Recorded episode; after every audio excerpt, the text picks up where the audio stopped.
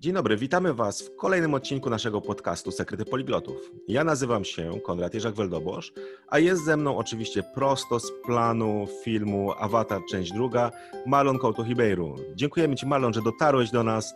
Wiem, że no, prace nad e, nową wersją Avatara, gdzie Ty jesteś tym głównym konsultantem jako przybysz z innej planety, trwają i film myślę, że zapowiada się bardzo ciekawie, chociaż e, no, pracujecie długo już z Jamesem Cameronem tam nad, e, nad tym filmem.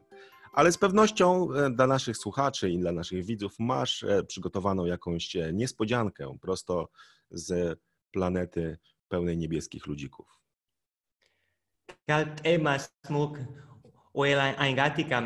Witam, witam serdecznie wszystkich.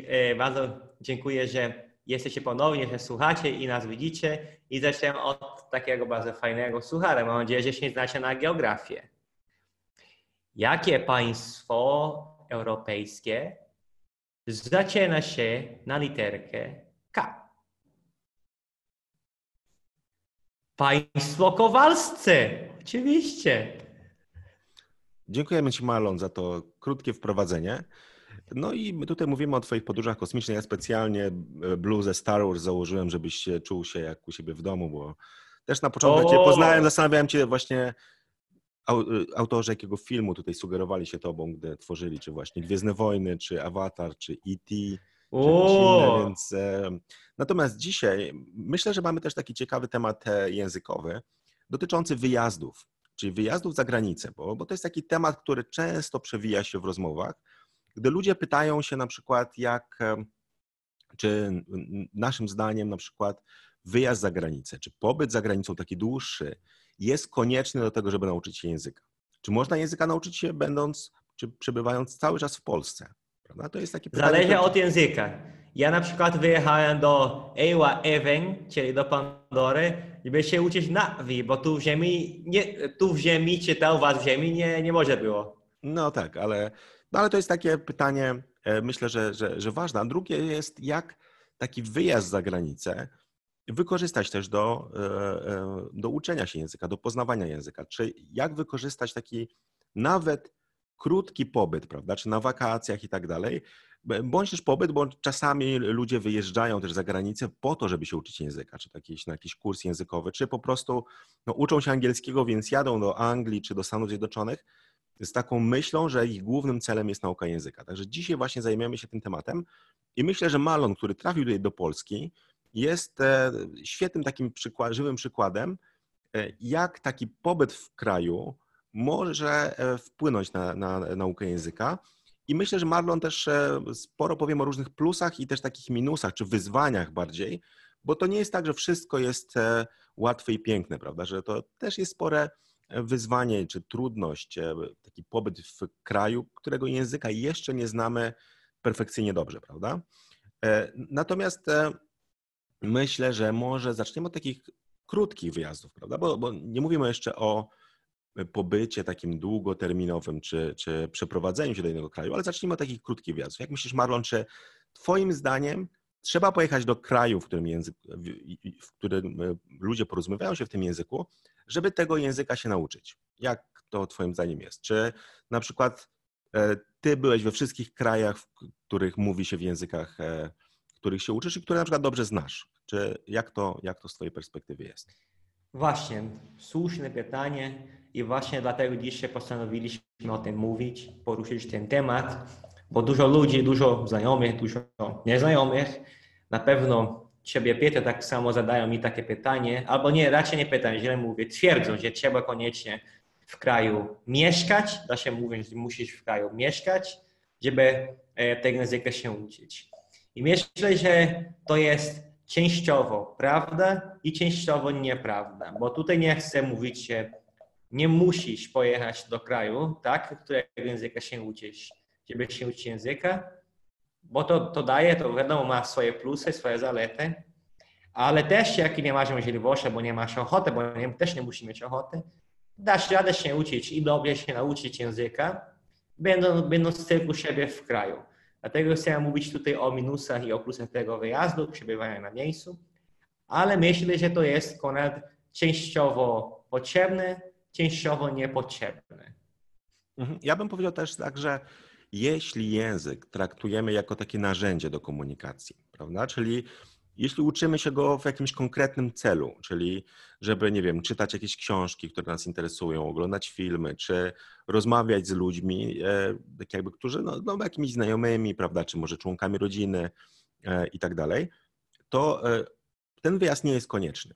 Prawda? Czyli myślę, że jesteście w stanie nauczyć się języka w Polsce, korzystając, tym bardziej, że no teraz mamy dostęp do materiałów w, w, internecie, w telewizji, prawda, wokół nas też tych e, obcokrajowców nawet mamy dostępnych, prawda. Ja zawsze opowiadam, że jako dziecko, gdy w czasach dinozaurów jeszcze e, żyłem, prawda, to jeszcze był PRL i tak dalej, to kto to, kto to dzisiaj pamięta, to spotkanie jednego obcokrajowca to było wydarzenie takie, że ja pamiętam, że jak w Warszawie zobaczyłem na przykład jakiegoś obcokrajowca, to wracałem do domu i rodzicom opowiadałem, że o, widziałem kogoś z innego kraju.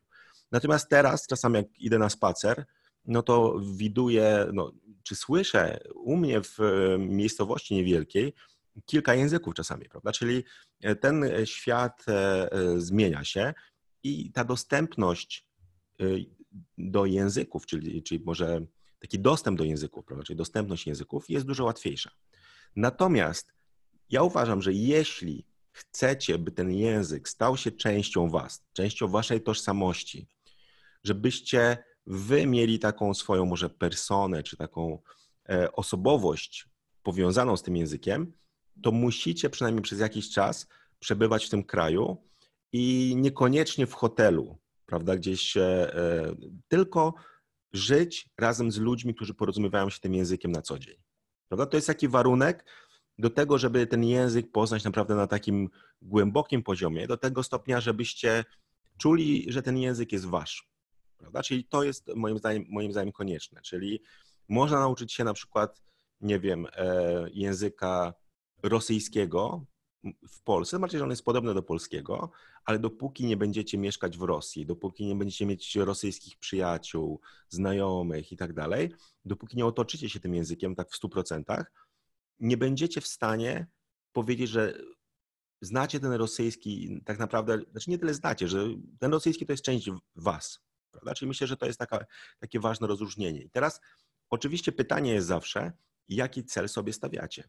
Czy waszym celem jest poznanie takie dogłębne języka, czy po prostu wystarczy wam to, że będzie to takim narzędziem? Prawda? Tak samo jak znacie matematykę, prawda? czyli e, potraficie mnożyć, dodawać i wykonywać proste e, obliczenia i to wam wystarczy, prawda? Bo nie potrzebujecie znać języka w 100% świetnie, znaczy matematyki, nie musicie znać jakichś tam funkcji logarytmicznych czy czegokolwiek innego, no bo nie używacie tego na co dzień, prawda? Czyli e, jeśli to Was interesuje, jeśli chcecie zagłębić się, to no oczywiście musicie uczyć się matematyki, studiować matematykę i tak dalej.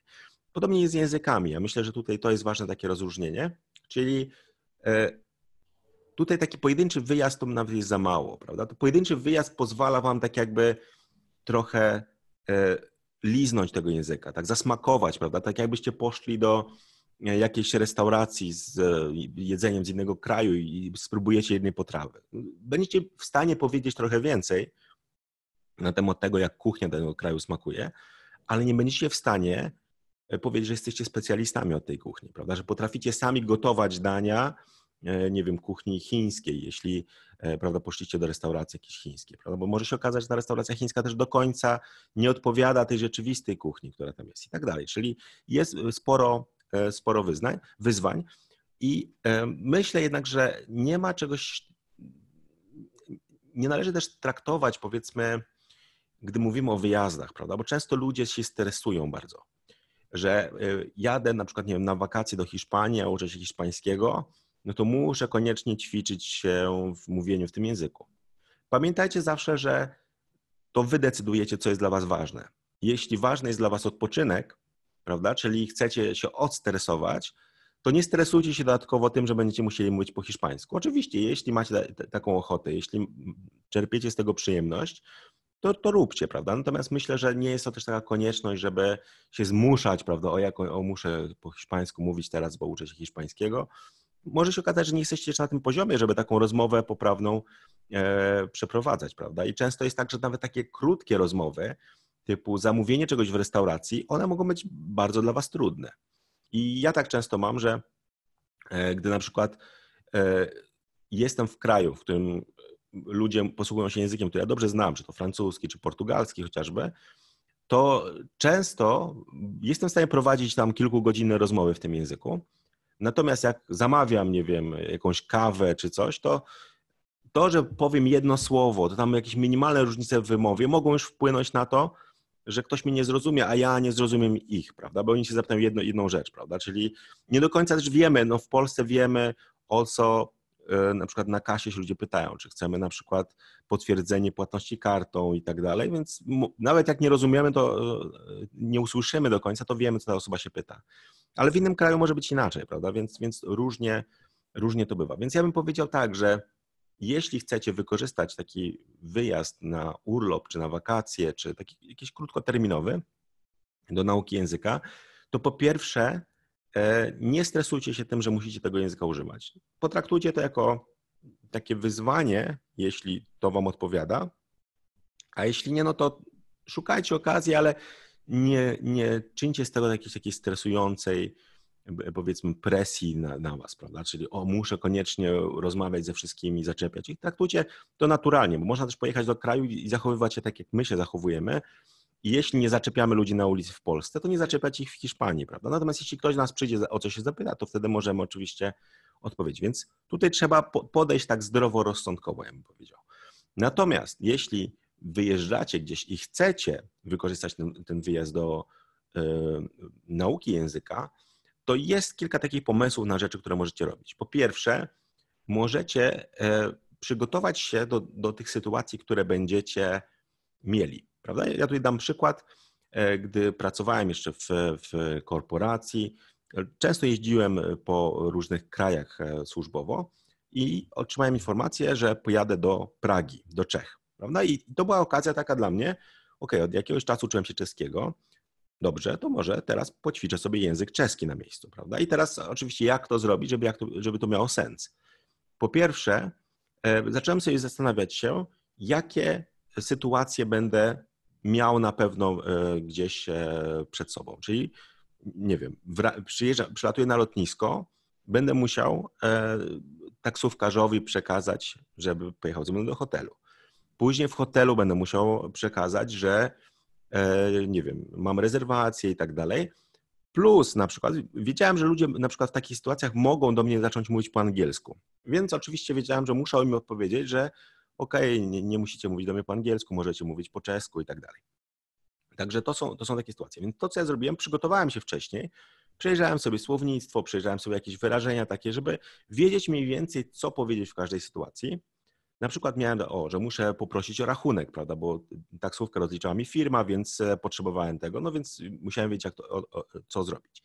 Ale żeby poćwiczyć ten język jeszcze bardziej, zacząłem się zastanawiać, jak można byłoby taką rozmowę e, troszeczkę e, popchnąć dalej. Czyli powiedzmy, niektórzy taksówkarze w ogóle nic nie mówią, prawda? Ja mówię, ok, jestem już w tej taksówce, mam okazję porozmawiać z kimś po czesku, to e, no i nie wiem, czy ten taksówkarz będzie gadatliwy, czy nie, bo może on zacznie e, mówić dużo, może nie.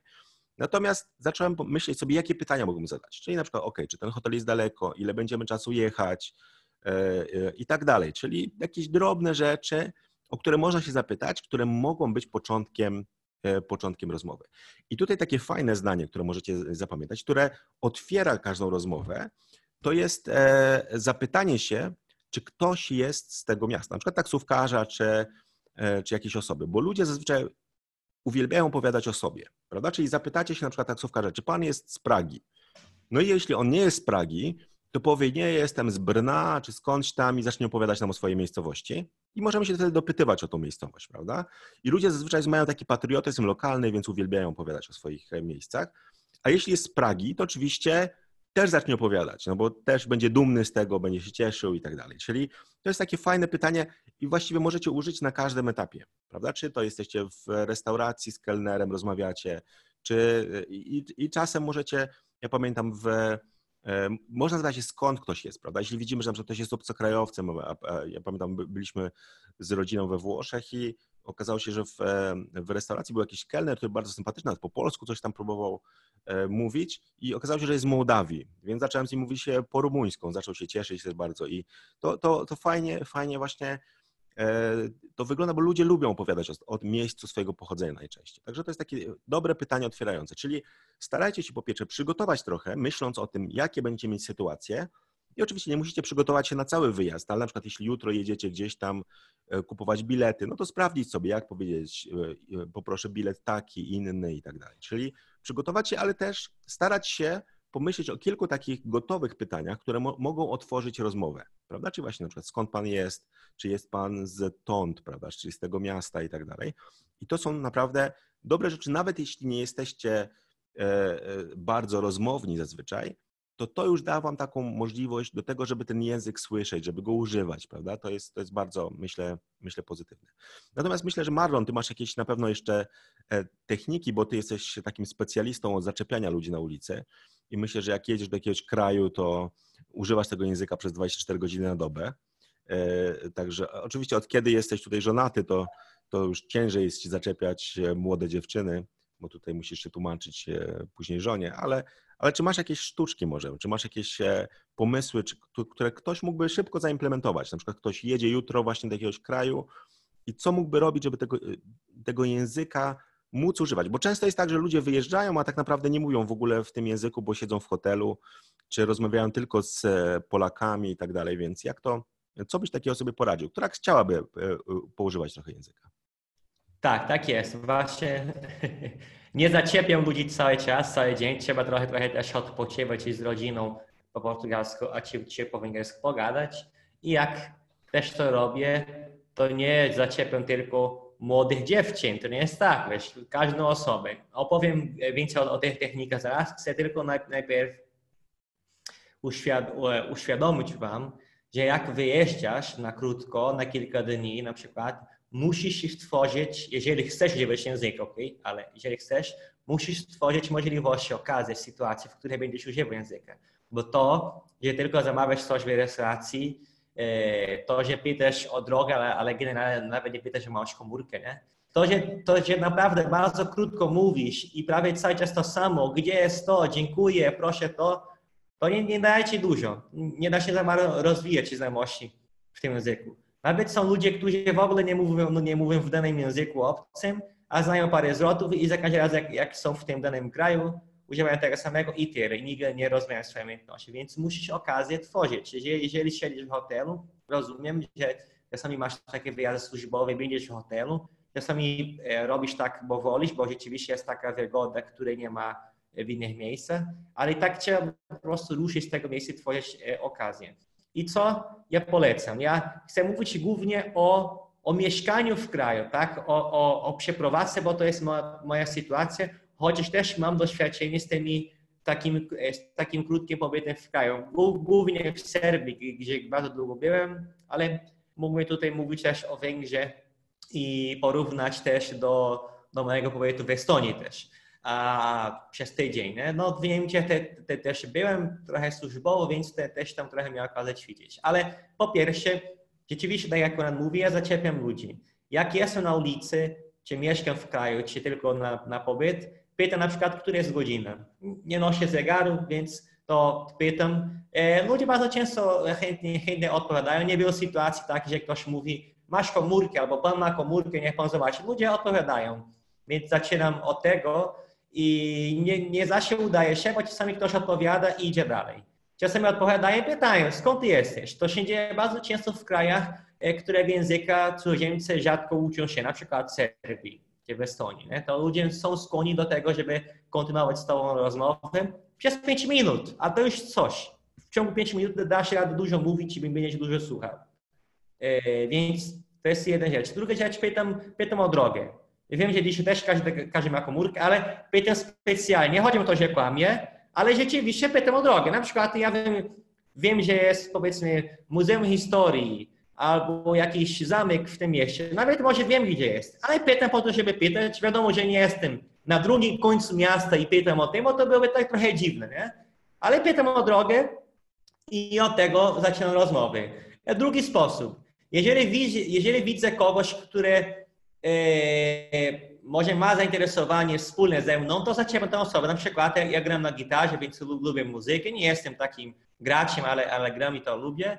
i jak widzę, wiele razy się tak było, kogoś, który chodzi na ulicę z gitarą, z, z jakimś instrumentem, to ja zaczepię, mówię, oho, ale fajnie i próbuję specjalnie źle po, po, powiedzieć, aha, to jest saksofon, to mówię tak, nie? I ludzie się śmieją, czasami tak absurdalnie ma taką malutką, to jest taka malutka gitara. Nie, nie, nie, to, to, to, to, to są skrzypce i tak, i zaczynam od tego rozmowę. Nie, nie, ja pytam, bo ja lubię muzykę, gram na gitarze, więc też to robię, e, więc no, naprawdę jest, jest dużo opcji. Inna, inna opcja. Na przystanku ludzie siedzą, czekają, to ja się zbliżam, patrzę na, na, na, na, na daną linię, pytam, e, czy autobus numer bla, bla, bla już, już przejechał, albo dokąd jedzie tramwaj, bla, bla, bla. Więc próbuję po prostu pytać ludzi o konkretne rzeczy, nie głupoty, bo tak potem, potem nie będą chcieli e, rozmawiać. Nie? A taki drugi pomysł. Jak jesteś właśnie w kraju, też na krótko, czy tam mieszkasz, popatrzmy, albo sobie pomyślajmy, że w mieście zawsze są osoby, które są skłonni do rozmowy. Na przykład panie czy panowie, którzy pracują w takich stoiskach i sprzedają swoje towary. Oni nie są zajęci non-stop cały czas, tak? Taki pan na ulicy. Są kraje, gdzie, gdzie po prostu wszędzie są te stoiska, te stragane po, po ulicy. Tak osoby rozmawiają.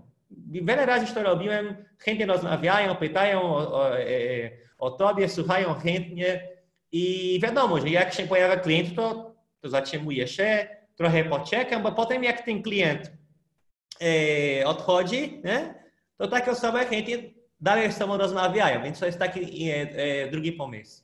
Taksówkarze, też fajny pomysł, ale niekoniecznie kiedy ty jedziesz podczas jego postoju. On, on jest na postoju, czasami tak taksówkarz jest tam godzinę, półtorej godziny, dwie godziny, podchodzisz i porozmawiam, tak? Więc ja w takiej podróży tak robię, szukam zawsze tak, na przykład jakiegoś placu albo rynku, gdzie są ławki i, i, i gdzie ludzie siedzą. I zazwyczaj nie pochodzę, pochodzę do osoby, która jest sama, podchodzę do osoby, które są razem, nie wiem, na przykład staruszkowie i no widzę, że rozmawiają, podchodzę, może tam siedzę i próbuję tak, tak zaczepiać. Trzeba być po prostu nieśmiały i ludzie bardzo pozytywnie reagują. Nie, nie trzeba się bać, pozytywnie reagują. Wiadomo, że są wyjątki, zależy od osobowości mówców, ale to naprawdę daje Ci możliwości wykorzystywania języka. E, kolejna opcja. Możesz jechać e, lokalnym środkiem transportu, e, na przykład autobusem, tramwajem. Nie, czasami ja, ja to robię niekoniecznie, żeby gdzieś tam dojechać, tak? I specjalnie po to, żeby z kimś pogadać. Siedzę tam obok, obok, obok kogoś, rozmawiam z tą osobą, albo zamiast rozmawiać, może sobą podręcznik. Otwiera podręcznik, niektórzy patrzą, tak widzą, że ty się uczysz języka i mogą cię pytać, o, ty się uczysz, więc to tak się zdaje, że miała też okazję tak ćwiczyć. E, a Konrad, a, e, okej, okay. więc to są takie, takie, takie pomysły, jeżeli jesteś krótko w kraju, a jeżeli mieszkasz. A jeżeli się wyprowadzasz albo szykujesz się na wyprowadzkę do danego kraju, albo jeżeli planujesz dłuższy pobyt, może dwa tygodnie, może cały miesiąc, jakie plusy to daje? Bo ludzie tu zawsze mówią w Polsce, że trzeba mieszkać w kraju. Ja się zgadzam, się nie zgadzam i zacznę od dobrej strony. Jakie są plusy? Nauczy się zwyczajów, tak? Masz kontakt z żywym językiem. Trzeci plus. Będziesz bardzo słuchany. Czwarty plus. plus. Cieszysz się sposobem lokalnego życia, tak? Piąty plus. Będziesz wytrwalszy, bardziej cierpliwy, tolerancyjny. I szósty plus.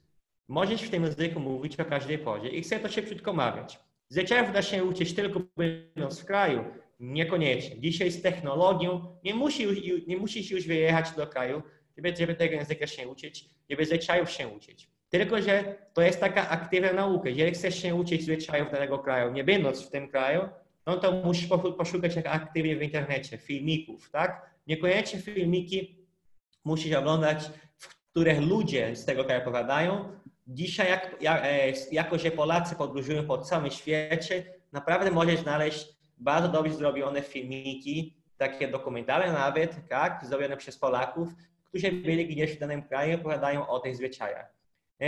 Kontakt z żywym językiem. Tutaj jeszcze malą, Masz... E, malą przerwę Ci tutaj, jeśli chodzi tak? o te zwyczaje. Ja myślę, że jedną rzecz, którą nauczysz się dużo lepiej, mieszkając czy przybywając e, wśród ludzi, którzy mówią w tym języku, zwłaszcza w tym kraju, bo to, co mówiliśmy też o, na jednym z wcześniejszych podcastów, że ważne jest, bo możesz mieszkać, na przykład twoja żona jest z Węgier, prawda, ale przebywanie w jej towarzystwie dla ciebie to nie wystarczy ci do tego, żeby poznać ten język i kulturę w 100%, bo ludzie różnie reagują, różnie, różnych słów używają i tak dalej. I myślę, że właśnie pobyt w tym kraju i rozmowa z różnymi ludźmi e, daje ci tak, taką przewagę, że zaczynasz widzieć, jak ludzie reagują w pewnych sytuacjach, prawda? Czyli e, na przykład jak e, e, mówię e, coś, prawda, a ty chcesz na przykład mi przerwać, czy potwierdzić i tak dalej, to używasz różnych zwrotów. I myślę, że e, na początku, tak jak mówiłem, że gdy używamy języka jako narzędzie, to wystarczy nam tłumaczenie z polskiego na ten język, prawda? Czyli możemy używać tych polskich konstrukcji, zmieniając je oczywiście w, na ten język, dopasowując oczywiście, nie mówię tutaj, żeby tłumaczyć słowo w słowo, ale ten sposób myślenia będzie e, taki jak w języku polskim, czyli w ten sam sposób będziemy przekazywali informacje. Myślę, że dużo osób w ten sposób, na przykład jak, mówi po angielsku, to właśnie tak mówi, prawda? Czyli oni mają myśli ułożone po polsku i je tłumaczą na język angielski i tak dalej. Natomiast e, że, że, gdy przebywamy właśnie wśród ludzi, którzy używają tego języka, zaczynamy e, pewne zachowania, czy pewne zwroty, pewne e, rzeczy przejmować, prawda? I są takie, których no, ciężko, które ciężko przetłumaczyć, które nawet, czasami ja nawet nie wiem, jak po polsku coś powiedzieć, prawda? Czyli jest na przykład w, w ostatnio z, z, moją córką, która oczywiście e, mieszka w Rio, więc po portugalsku teraz lepiej niż po polsku mówi, e, rozmawialiśmy i e, ona opowiadała o jakimś tam takiej sytuacji śmiesznej, gdzie coś tam wymyślił jakąś dziwną rzecz. No i w języku portugalskim jest takie, taka, takie powiedzenie ninguém merece, czyli że nikt na to nie zasługuje, w, w, przetłumaczymy dosłownie, ale to jest takie gdy e, ktoś powie, że coś takiego właśnie dziwnego, czy, czyli nawet po polsku nie wiem, jak ja bym miał po polsku powiedzieć, że e, e, tutaj byśmy raczej skomentowali może jakoś inaczej, prawda? Natomiast w języku portugalskim w Brazylii właśnie jest takie powiedzenie, prawda? I tutaj no nie da się go przetłumaczyć, ale to była takie, dla mnie taka reakcja, jak z nią rozmawiałem, prawda? I rozmawialiśmy po polsku, więc więc tutaj y, jest tak, że to napisałem jej po portugalsku i ona wiedziała dokładnie o co chodzi, bo to była taka właśnie reakcja, którą naturalnie Brazylijczycy by często mieli, prawda? Czyli, że gdy coś jest e, dziwnego, prawda, e, na przykład, nie wiem, Marlon zaczepi jakichś ludzi tam i tak dalej i wtedy ja mógłbym tak zareagować, prawda? I, teraz, I, ja po polsku nie wiem nawet, jak to przetłumaczyć. Także to jest, e, to jest jedna z takich, z takich zwrotów i to są rzeczy, które, których nie nauczycie się za bardzo z filmów, bo nie będziecie rozumieli. Tutaj, żeby dobrze nauczyć się, tak jakby zinternalizować te rzeczy, żeby one weszły wam do głowy i do e, takiego aktywnego użycia, to musicie e, tak jakby przećwiczyć je na własnym przykładzie. Czyli opowiedzieć coś, jak ktoś zareaguje, będziecie wiedzieli o co chodzi, prawda? Czy jak e, wy usłyszycie, tak, czyli myślę, że tak jak mówię, że jest dużo filmów teraz, ale filmy nie dają takiego doświadczenia emocjonalnego silnego, które pozwoli ci połączyć te klocki w głowie. Do tego stopnia, żeby móc ty, tych wyrażeń używać w sposób naturalny, prawda?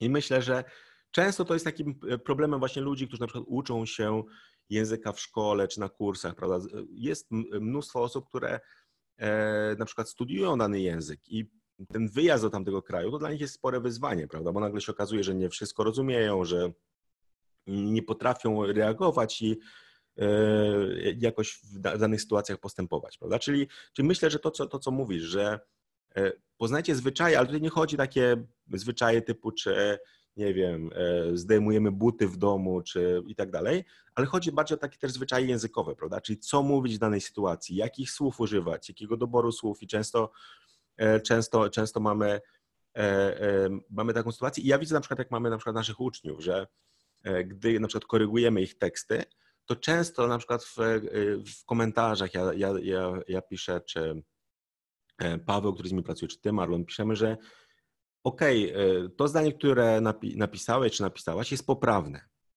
Nawet gramatycznie jest zrozumiałe, ale w tym kraju powiedziano by trochę inaczej. Że w tym kontekście było.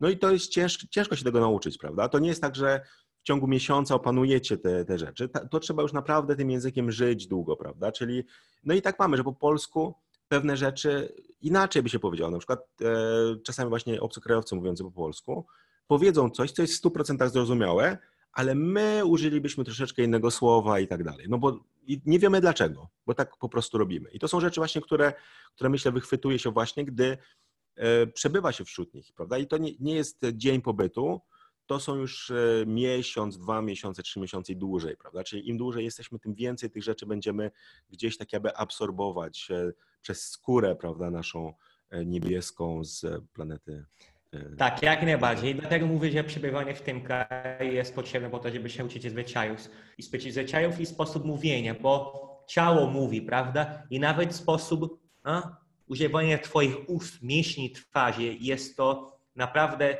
szokujące, tak? I jak to się różni e, w od języka. Dam tu przykład z Serbii. Serbowie bardzo często mówią może z luźnymi ustami.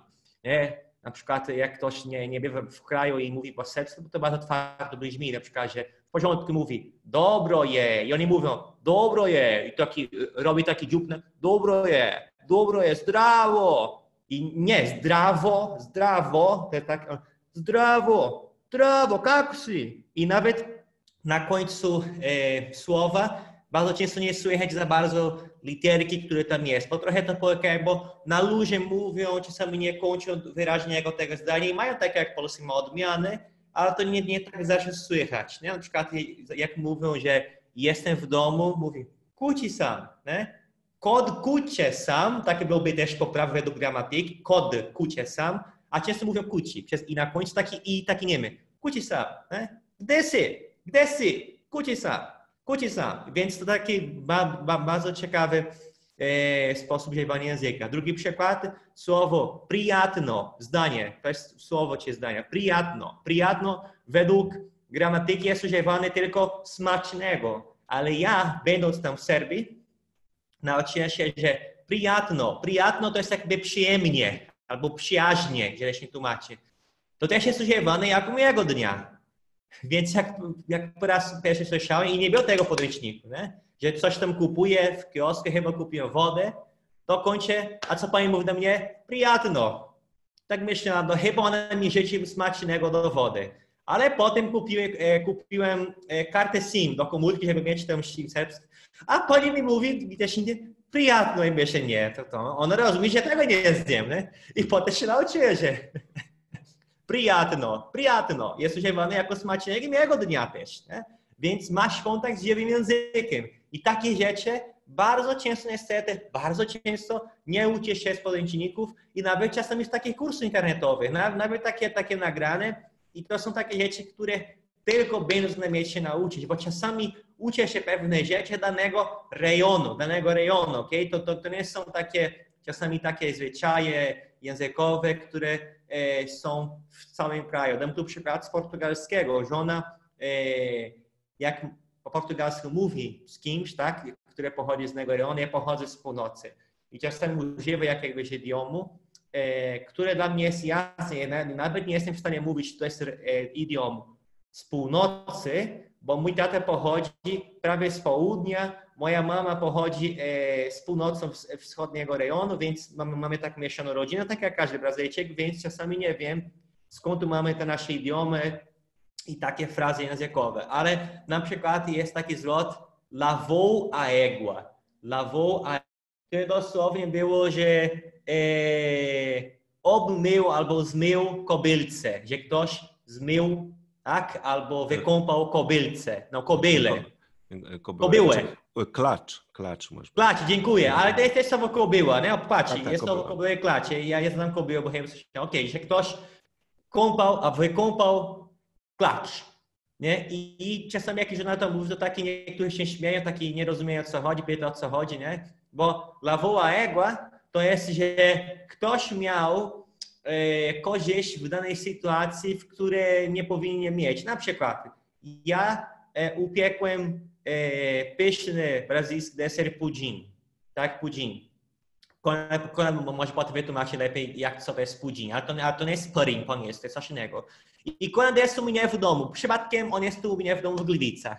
I mówię, Koń, se lavou a égua, né? Acabei de preparar um pudim, właśnie przygotowałem pudim, czyli on lavou a égua, czyli on będzie mógł zjeść tego, mimo tego, że jakby że nie zrobił niczego, nie starał się. On się pojawił gościem i będzie miał nagle taką przyjemność, taką korzyść, tak jakby niby nie, nie zasługuje, bo on taki nie dołoży wysiłku do tego, więc to jest takie zwrotne wołajekłe. I tak przykład, że na przykład jak z tego korzysta, nie każdy e, w Brazylii to rozumie, bo nie każdy używa tego zwrotu, to, to są inne, prawda?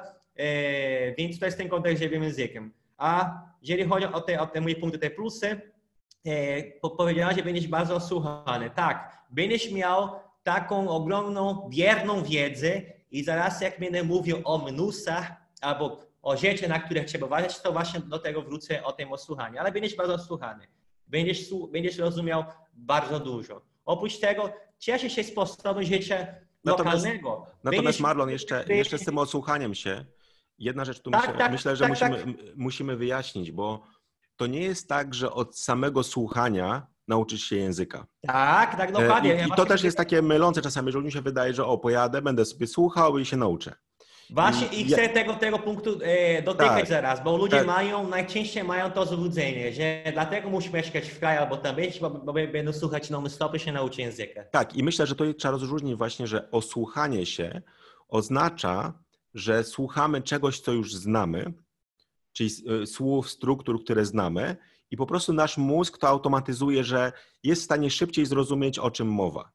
I ja miałem takie e, też, e, też e, tutaj z, z mojego życia, prawda? Czyli moja żona pochodzi z Indii, z dziećmi rozmawia w języku hindi. I ja ten język znam coraz lepiej, ale też na początku znałem go słabo i nie uczyłem się go jakoś aktywnie, prawda? Też bardziej na zasadzie takiej, ja z żoną rozmawiałem po angielsku, bo tak się przyzwyczailiśmy, bo pracowaliśmy też razem, więc więc e, no, rozmawialiśmy po angielsku, czasem w hindi czy po polsku, tak żeby jak to, ktoś nie rozumiał, ale zazwyczaj ta komunikacja była, czyli hindi bardziej znałem biernie, czyli słuchałem cały czas, jak oni sobie rozmawiają i mogę powiedzieć, że tak, trochę lepiej zacząłem rozumieć, ale trochę lepiej zacząłem rozumieć te słowa, które znam. Jeśli czegoś nie znam, to e, bardzo ciężko mi było nauczyć się tego, bo gdy byłem biernym uczestnikiem, to ciężej było wyłapać pewien, pewien kontekst. Oczywiście, e, kiedy e, jedno słowo, którego nauczyłem się tam było na przykład, e, że coś upadło, prawda, cały czas, no to wtedy widziałem, że mówili coś tam gira, prawda, czyli o, girgaja, prawda, czyli że coś upadło, więc okej, okay, no to ja, ja zacząłem wyłapywać to, ale tutaj był potrzebny konkretny kontekst. A jak ktoś jest bierny, to często nie widzi tego kontekstu, nie jest w stanie tego kontekstu rozpoznać. Dlatego mhm. dobrze jest właśnie, tak. żeby polepszać ten język, czyli starać się używać go bo wtedy będzie łatwiej Wam ten kontekst wyłapywać, e, bądź też po prostu uczyć się tego języka, poznawać więcej słów, struktur i wtedy dopiero się osłuchiwać, prawda? Czyli to też myślę, że e, no to jest takie błędne przekonanie, takie mówisz. Dużo ludzi myśli, że o, pojadę i będę po prostu słuchał i nagle ten język sam mi do głowy wejdzie. To nie, ta, nie jest tak. Ten, ten wysiłek w, nau w nauce języka e, jest potrzebny, prawda? Czyli nie możemy, nie dostaniemy nic za darmo, prawda? I tym bardziej języka obcego. E, gdy jesteśmy dorośli. Jako dzieci oczywiście dostajemy, ale też jakiś wysiłek w to e, wkładamy, prawda? Czyli osłuchanie się, ale wtedy, kiedy ten język już znasz, na tyle, żeby móc na czymś budować, prawda? Czyli oczywiście, jeśli jest jakieś jedno słowo, które z kontekstu wyłapiesz i rozumiesz 90%, to tak, natomiast jeśli rozumiesz 20%, to tych 80% bez takiego kontekstu namacalnego dla ciebie nie zrozumiesz. Także myślę, że to, to jest ważne, też taka uwaga właśnie, że, no tak jak ja mówię, ja tu na, na sobie trochę eksperymentowałem, trochę z lenistwa, bo nie chciałem się za bardzo tego, tego hindi uczyć, tym bardziej, że mnie przeraziły tam cyfry, bo tam od jednego do stu to nie ma tak jak po polsku, że jest 20 i później już 21, 22 i tak dalej. Nie, nie, tam każda od 20 do e, trzeba, trzeba się nauczyć. E, I są jakieś takie pół zasady, ale y, y, z wyjątkami. Czyli no, jak to zobaczyłem, to miałem kryzys. E, tu muszę się przyznać, że teraz już jest e, trochę, trochę inaczej. Ja mam, y, osłuchałem się trochę lepiej, że trochę lepiej rozumiem rzeczywiście te rzeczy, które już znałem, prawda? I teraz mogę na tym budować trochę więcej, ale, ale to, było, to było spore wyzwanie, ale też taka właśnie ciekawy eksperyment, prawda? Czy samym słuchaniem się ten mój język wejdzie na jakiś dużo wyższy poziom i tak nie hmm. jest, prawda? Czyli to trzeba jednak ten wysiłek swój gdzieś tam wkładać. Jak najbardziej, jak najbardziej. To ja, ja, ja tak samo mam właśnie z tym węgierskim. Jeszcze wracając do, do, do, do, tych punktów, to to, że jesteś w kraju, tak jak ty już byłeś kilka razy w, e, w, w Indiach, w Brazylii, daje ci to możliwość cieszenia się sposobem życia te, tego danego kraju, bo to jest ważne. Pamiętamy, że język to nie jest taki przedmiot, tak jak, tak, tak jak te książki. Język to coś abstrakcyj, abstrakcyjnego. Język jest związany całkowicie z naszymi uczuciami, z naszym myślem, z tym sentymentem, który mamy do samego języka i do kraju. Więc jak mówię sposób życia lokalnego, to mam na myśli e, to, co ludzie jedzą, nawet te godziny, tak? Godzinę wstawania, godzinę chodzenia do pracy, e, kiedy robi się przerwę na jakiś obiad, na kolację, co się je, tak? E, sposób rozmawiania, albo, albo gdzie się rozmawia, czy przy kawie. Więc jak jesteś w kraju, masz okazję no, z tego się cieszyć, bo jak zaczynasz trochę funkcjonować jako tubylec, czasami zdarza się, że zaczynasz lepiej rozumieć ten, język. Zaczynasz lepiej rozumieć pewne struktury gramatyczne, pewne słowa, pewne pojęcia, bo musisz tego doświadczyć, tak? Żeby, żeby ten język rzeczywiście został w pamięci. Więc tutaj e, ten, ten, ten wyjazd jakoś tam potrzebny jest, ale nie musisz koniecznie wyprowadzić się, nie? ale przeprowadzka też dużo daje, jeżeli masz na myśli albo, albo jeżeli masz na uwadze pewne punkty, o których zaraz omówię i bardzo rzadko ludzie mają e, jakby to na uwadze i dlatego często się zdarza, że po 10 latach nawet pobytu w danym kraju nie uczy się tego języka albo nie nauczyli się tak, jak sobie e, wyobrażali, zanim tam byli. No i jak no, jesteś w kraju, jeszcze, też jeszcze... jest taki plus, E, słucham, słucham jeszcze, jeszcze Malon, takie mam pytanie, może trochę zbaczając tak? tematu, ale myślę, że ono jest też ciekawe. E, ponieważ ty zaczepiasz tych ludzi w różnych językach do nich mówisz. Tak. Powiedz mi, czy zauważyłeś, że e, ludzie różnie reagują na różne języki? Czyli na przykład jak rozmawiasz, nie wiem, z Francuzem, on inaczej reaguje, jak mówisz do niego po francusku, niż gdy rozmawiasz z Chińczykiem, do którego mówisz po mandaryńsku, czy z Japończykiem, do którego mówisz po japońsku. Czy zauważyłeś jakieś różnice? Bo wydaje mi się, że rzeczywiście tak jak ja to postrzegam, że ludzie różne reakcje mają. Czy Polacy na przykład, jeśli obcokrajowiec mówi po polsku, to u nas są takie dwie dominujące reakcje. Pierwsza to jest rzeczywiście, że jesteśmy e, pod wrażeniem, że ktoś się nauczył tego naszego języka, a druga, że do końca nie wiemy, jak e, się zachować w takiej sytuacji.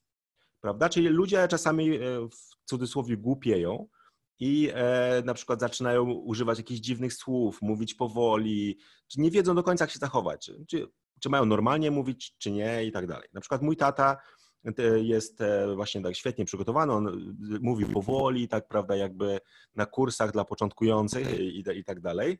Natomiast dużo osób nie wie, nie wie do końca, co powiedzieć. Czasami w ogóle nic nie mówimy, prawda? Czyli to trochę dla nas jest taka dziwna reakcja. A jak ty, jak ty jakie masz doświadczenia właśnie z różnymi językami? Jak ludzie reagują na to, że mówisz w ich języku? Mm, Czy są zadowoleni, zdziwieni, może przestraszeni? Jak to, jak to okay. wygląda? Tu w Polsce na początku mojego pobytu to poznałem osoby, które dziwnie reagowały, że nie wiedziały, w jaki sposób mają mówić, czy szybko, czy powoli i trochę się zastanawiały. Były takie osoby, ale wydaje mi się, że to coraz rzadziej. Może dlatego, że coraz później mówię, ale też się zdarzyło, też się zdarzało, że ktoś znał angielski i zaczął nagle mieszać angielski z polskim, bo chyba miał wrażenie, że jak tak zrobi, ja lepiej zrozumie. I jest, to jest dla mnie gorzej. Albo mówisz po angielsku, albo po polsku. Ja takich mieszanin za bardzo nie lubię, w żadnym języku.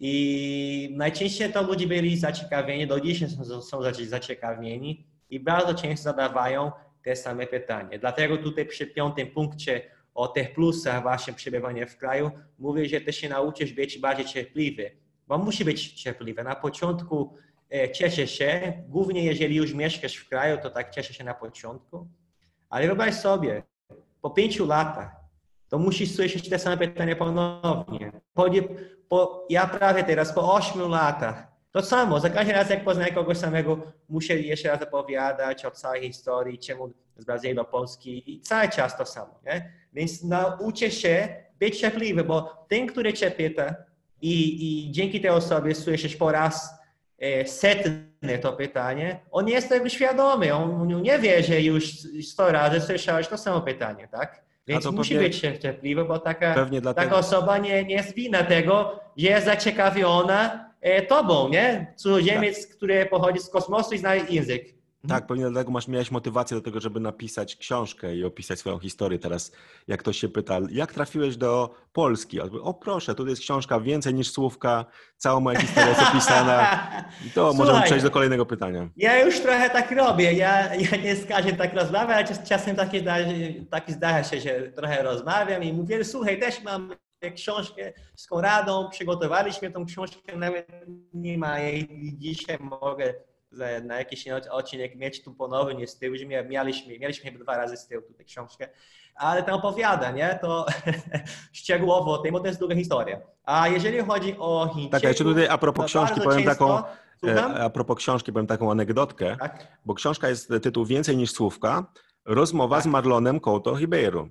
I tak. pamiętam, że przesłałeś tą książkę chyba do swojej siostry, czy gdzieś i ona, Marlon, ojej, zrobili błąd w twoim imieniu na okładce, bo jest napisane Mar to prawda.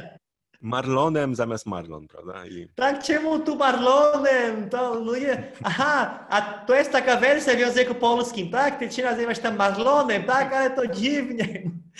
No i nawet szkoda było, było mi to wytłumaczyć, nie? Zanim wyjaśnię, po co ten EM, to wiesz, zupełnie z, kosmo, z kosmosu wzięte to pojęcie, po co tym EM jest z, więc nawet tego za bardzo nie wytłumaczyłem i sobie podarowałem. tak, to jest prawdziwa historia. A jeżeli chodzi o reakcję ludzi, chciałem dodać ludzie Chińczycy, e, nie powiem, że zawsze, ale bardzo często się boją.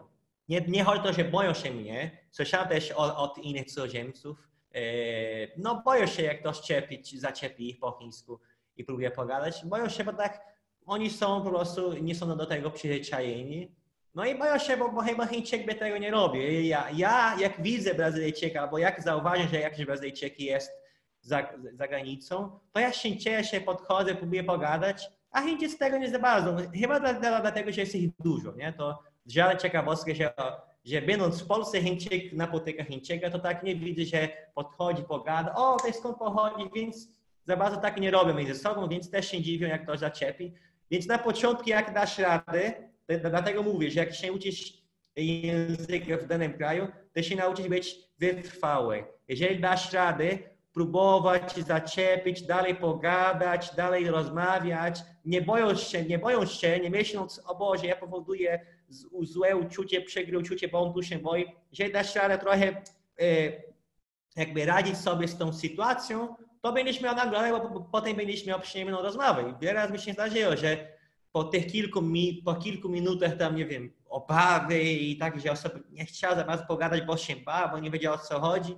Udało mi się wytłumaczyć tak dalej i pa, i, za, i, i zaczęliśmy rozmowę fajną przez 10-15 minut, pół godziny, nawet godzinę w pociągach na przykład mi się zdarzyło.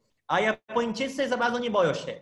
Na początku oni są bardzo szokowani, nawet brakuje im słów, oni tak patrzą, o i tak, i widzisz taki ten podziw, taki ogromny podziw, czuje się nagle prawie, za przeproszeniem, czuje się jako Bóg prawie, albo jak król, nie? To z Japończykiem, z Japończykiem naj, naj, naj, najfajnie, bo naj, najlepiej się czujesz. Z Chińczykami trochę dziwnie się czuję, bo tak mówię, boją się. Polacy są pod wrażeniem, ale Japończycy są najbardziej pod wrażeniem. Oni tak są w szoku, że, że zanim zaczynają mówić, nie wiedzą co mówić. Nie? Tak widzisz, gdzie nawet ciały tak robią, więc to jest naprawdę super reakcja. Tak, znaczy jeżeli, ja... Chodzi o Węgry, jeżeli chodzi o Węgrach, to oni też są w szoku, ale jest zupełnie inna reakcja. To oni od razu ho, ho, ho i zaczynają gadać, się śmieją, prawie chcą ciebie uciskać i wiesz, i tak tak zadowoleni, zaczynają dużo mówić i już nagle nie rozumiesz ich, bo tak się cieszą i robią żarty, aha, ale to skąd ciebie dotykają, poklaskają po plecach, więc to, to że to też bardzo fajnie reagują. I tutaj mówią mężczyzny, nie wiem jak by dziewczyny reagowały, ale e, poznałem takich, tak właśnie takich chłopakach albo starych pana i tak reagują. E, w Serbii podobnie reagują, z tym, że oni że oni od razu zaczynają zadawać ci pytanie. Węgrzy nie od razu zadają pytanie, od razu zaczynają mówić, nie? Ale ty fajnie, że znasz mój język, ale po co? I zapraszają innych, chodź tutaj, tu coś nie znam język. A w Serbii nie za bardzo, od razu zadają ci pytanie, nie? A ty znasz serbski, a skąd? I zaczynają od razu, nie? I masę pytań zadają ci, więc musisz być przygotowany, bo Serb od razu bombarduje pytaniami, bombarduje cię, cię pytaniami, bo chcą z tobą pogadać. W Estonii była trochę inna reakcja. Niektórzy mnie pytali, czy ja znam rosyjski. Nie dlatego, że ja, że ja słabo znam, wiadomo, że słabo znam estoński, ale pytali, bo chyba byli taki, taki zdziwieni, że ja znam estoński, a rzadko ktoś się uczy estońskiego, a pytali mnie, czy ja znam rosyjski, bo ja zakładam, że może, może się bawi, że ja nie zrozumiem do końca, a to są osoby, które znają, też dobrze znają rosyjski, myśleli, a może ten, może ten pan tutaj zna rosyjski lepiej, pogadamy i, i zapytam go dokładnie o, o, o tej nauce estońskiego, nie? Więc to tak było kilka razy.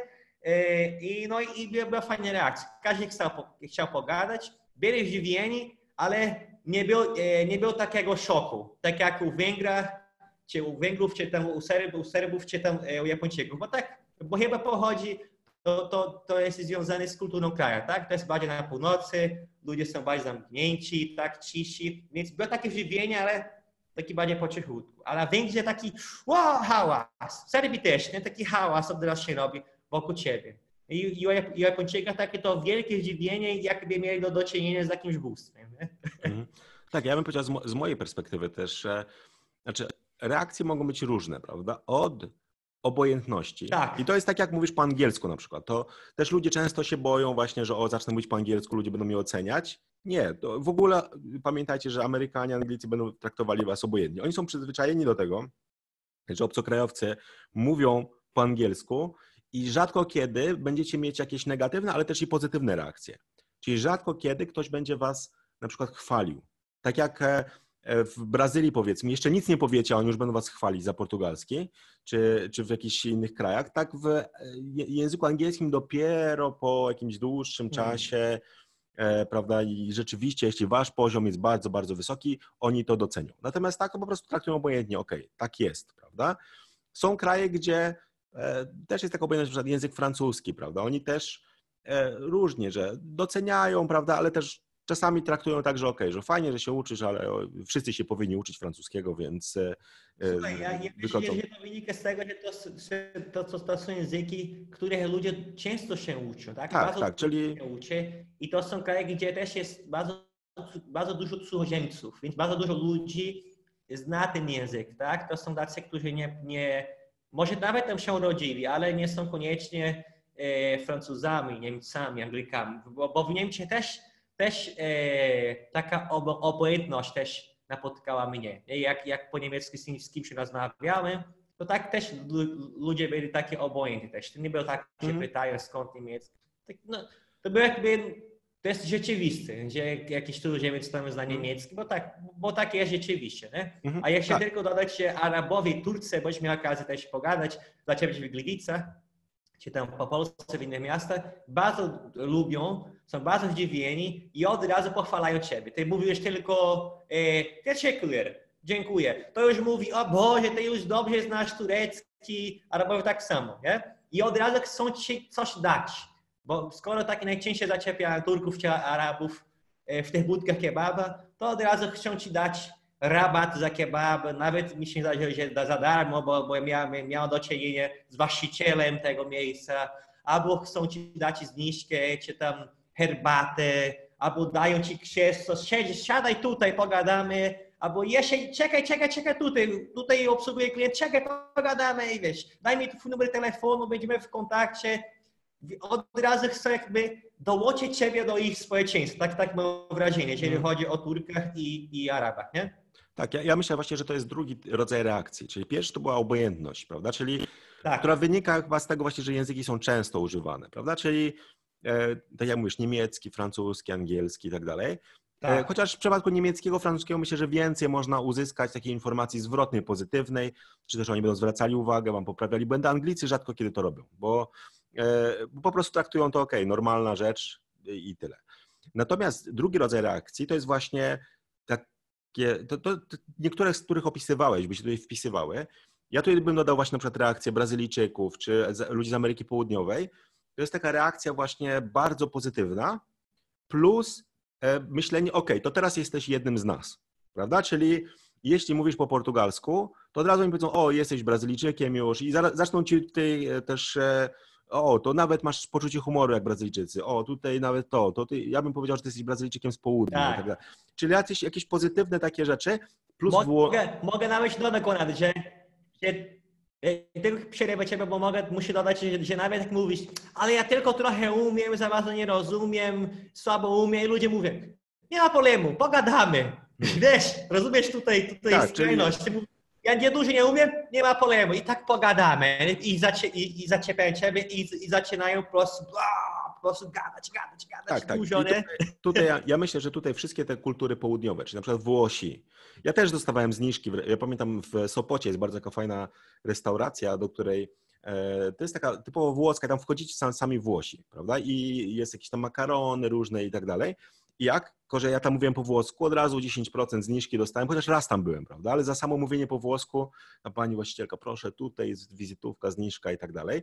No i później żona mi mówi do mnie, nie, już nie rozmawiaj z nimi w tych językach, bo dostaniesz zniżki, będziesz dużo jadł, będziesz jeszcze grubszy, więc no musiałem niestety ukrócić to, bo za dużo, za dużo zniżek w restauracjach to nie jest właśnie na, na mój wygląd źle wpływa, prawda? Niedługo bym wyglądał, jak już tutaj na całym ekranie bym był, gdybym używał tych języków. E, natomiast e, to są właśnie Włosi czy Egipcjanie też właśnie. Ty od razu jesteś już, jesteś Egipcjaninem, jak coś mówisz, to oni przychodzą, przebijają piątki tak. z tobą i tak dalej. Jest, jesteś jednym z nich. Tak. Ale Swahili też bardzo podobnie, podobna reakcja, czyli chłopak, z którym rozmawiałem, to była taka sytuacja, że on w pracy był i wiedziałem, że on jest, on był z Tanzanii chyba. I e, rozmawiał z żoną, akurat z zimą przyjechali do Polski i e, słyszę, on tam mówi baridi kweli kweli, czyli jest bardzo, bardzo zimno. Nie? On mówi, o super, jest z, e, z, mówi Swahili, więc poszedłem do niego i się pytam Swahili, o mówisz Swahili,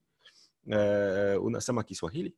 on wtedy, o, w ogóle jest taki szok. Czyli oczywiście jest najpierw, im rzadszy jest język, tak jak mówisz, na przykład węgierski i tak dalej, to jest też ten szok, prawda, że oni są zszokowani i, e, I on się mnie pyta w ogóle, o jak to, mieszkałeś w Afryce? Ja mówię, nie, ja nie byłem tam w ogóle. Jak to nie byłeś? Że mówisz Swahili, to w ogóle dla niego było nieprawdopodobne. I później on strasznie mnie pozytywnie traktował, że zawsze coś tam, ja jeszcze go zaskakiwałem czasami. On opowiada, no wiesz, bo w, e, w Tanzanii to mamy taki problem, że jak jesteśmy w domu i próbujemy zasnąć, to jest strasznie gorąco. Natomiast jak wychodzimy z domu i chcemy sobie spać tam na, na jakimś tarasie czy w ogrodzie, to są komary, prawda? Więc to jest zawsze taka ucieczka przed komarami i tak dalej. Ja mówię, o, a w Swahili komar to jest mbu. On, o, skąd wiesz, nie? Ja mówię, a moskitiera to jest chandarua. On, o, super, znasz te słowa, nie? I tak bardzo pozytywnie reagował, ale też właśnie tak traktował mnie jako, e, e, teraz jestem jednym z nich, prawda? Natomiast są też kraje i tutaj e, w Indiach możecie takie reakcje spotkać. Myślę, myślę Chiny też do pewnego stopnia. E, I zastanawiam się, czy Japończycy. E, to jest tak, że. Słuchaj, jest... Japończycy tak, Japończycy nawet robią zdjęcia. Ja wiele razy tak miałem.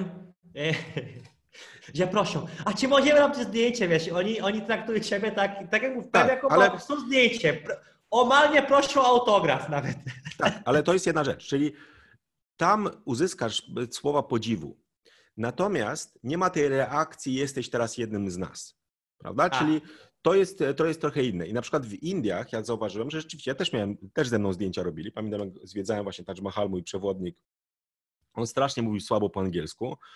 I e, w końcu ja tam ukrywałem, że znam hindi, prawda? Natomiast później jak się targowałem, bo zawsze w targowaniu hindi pomaga, on usłyszał i do mnie, o, ty mówisz w hindi. Ja mówię, tak. To może ja ci w ogóle w hindi będę opowiadał wszystko. Ja mówię, tak pomyślałem sobie, no tak, po angielsku rozumiem 20% tego, co on mówi, to czy on powie w hindi, czy po angielsku, to nie ma różnicy, prawda? Niech mówi w hindi. Ale on miał tam problemy, bo nie wszystkie słowa znał na przykład, prawda? Czasami rzadko ich używał w hindi. Oni często właśnie to mają, że po angielsku używają, prawda? Na przykład, nie wiem, to jest okno, to on mówi tam window. Ja mówię, nie, nie, to jest kirki w hindi. A, rzeczywiście zapomniałem tego słowa, nie? I, później na koniec, a słuchaj, czy mogę zdjęcie z tobą zrobić, bo chciałem na Facebooka wrzucić, że E, bo jakieś tam dwa lata temu też spotkałem jakiegoś Anglika, który trochę mówił w hindi, a teraz ty jesteś drugą osobą, który, obcokrajowcem, który mówi w hindi, nie? więc też, ale to, co zauważyłem, że e, oni będą cię traktować pozytywnie, ale z drugiej strony e, ten język lokalny to jest coś, co stanowi taką barierę, prawda? Bo to są, na przykład Indie były taką kulturą e, też kolonialną, że byli Brytyjczycy, którzy przyjechali e, i oni zarządzali nimi, więc e, Brytyjczycy są traktowani tak jakby, że jako rzeczywiście oni do, do, do nich mówią sir, sir i tak dalej, że wszystko jest, jest super, prawda, tutaj uniżony sługa, prawda, ale e, z drugiej strony oni kombinują też, o może teraz taki Brytyjczyk ma dużo pieniędzy, to może zapłaci więcej na przykład za to, co ja sprzedaję. Czyli oni też szukają takich sposobów, prawda, czyli e, czują taki szacunek i respekt, ale z drugiej strony czują, że oni są kimś innym niż ci Brytyjczycy, prawda, że to jest jakaś oddzielna grupa. No i w Indiach generalnie jest sporo podziałów, teraz tam dużo, dużo też się e, dzieje, przez to właśnie, że ludzie e, tak w sposób naturalny lubią się dzielić na grupy. Mieliśmy ten system kast i tak dalej, są różne religie, prawda? Więc oni z założenia starają się ludzi szufladkować jakoś. I teraz to, co się dzieje, my jesteśmy taką grupą oddzielną, prawda? Jako biali ludzie z Europy, prawda? To oczywiście oni wszyscy nam mówią, że jesteśmy Angrez, czyli Anglik i tak dalej, ale E, problem jest taki, że jak mówimy w hindi, to tak jakby wkraczamy w ich świat i oni się czują niepewnie, bo ten język hindi jest czymś, co e, zapewnia im pewną tajemnicę, pewną indywidualność. Czyli są ci Anglicy, z którymi rozmawiamy, my rozumiemy, co oni chcą, ale my mamy ten nasz sekretny język, w którym się porozumiewamy na co dzień. I Anglicy nie wiedzą, o czym my mówimy, prawda?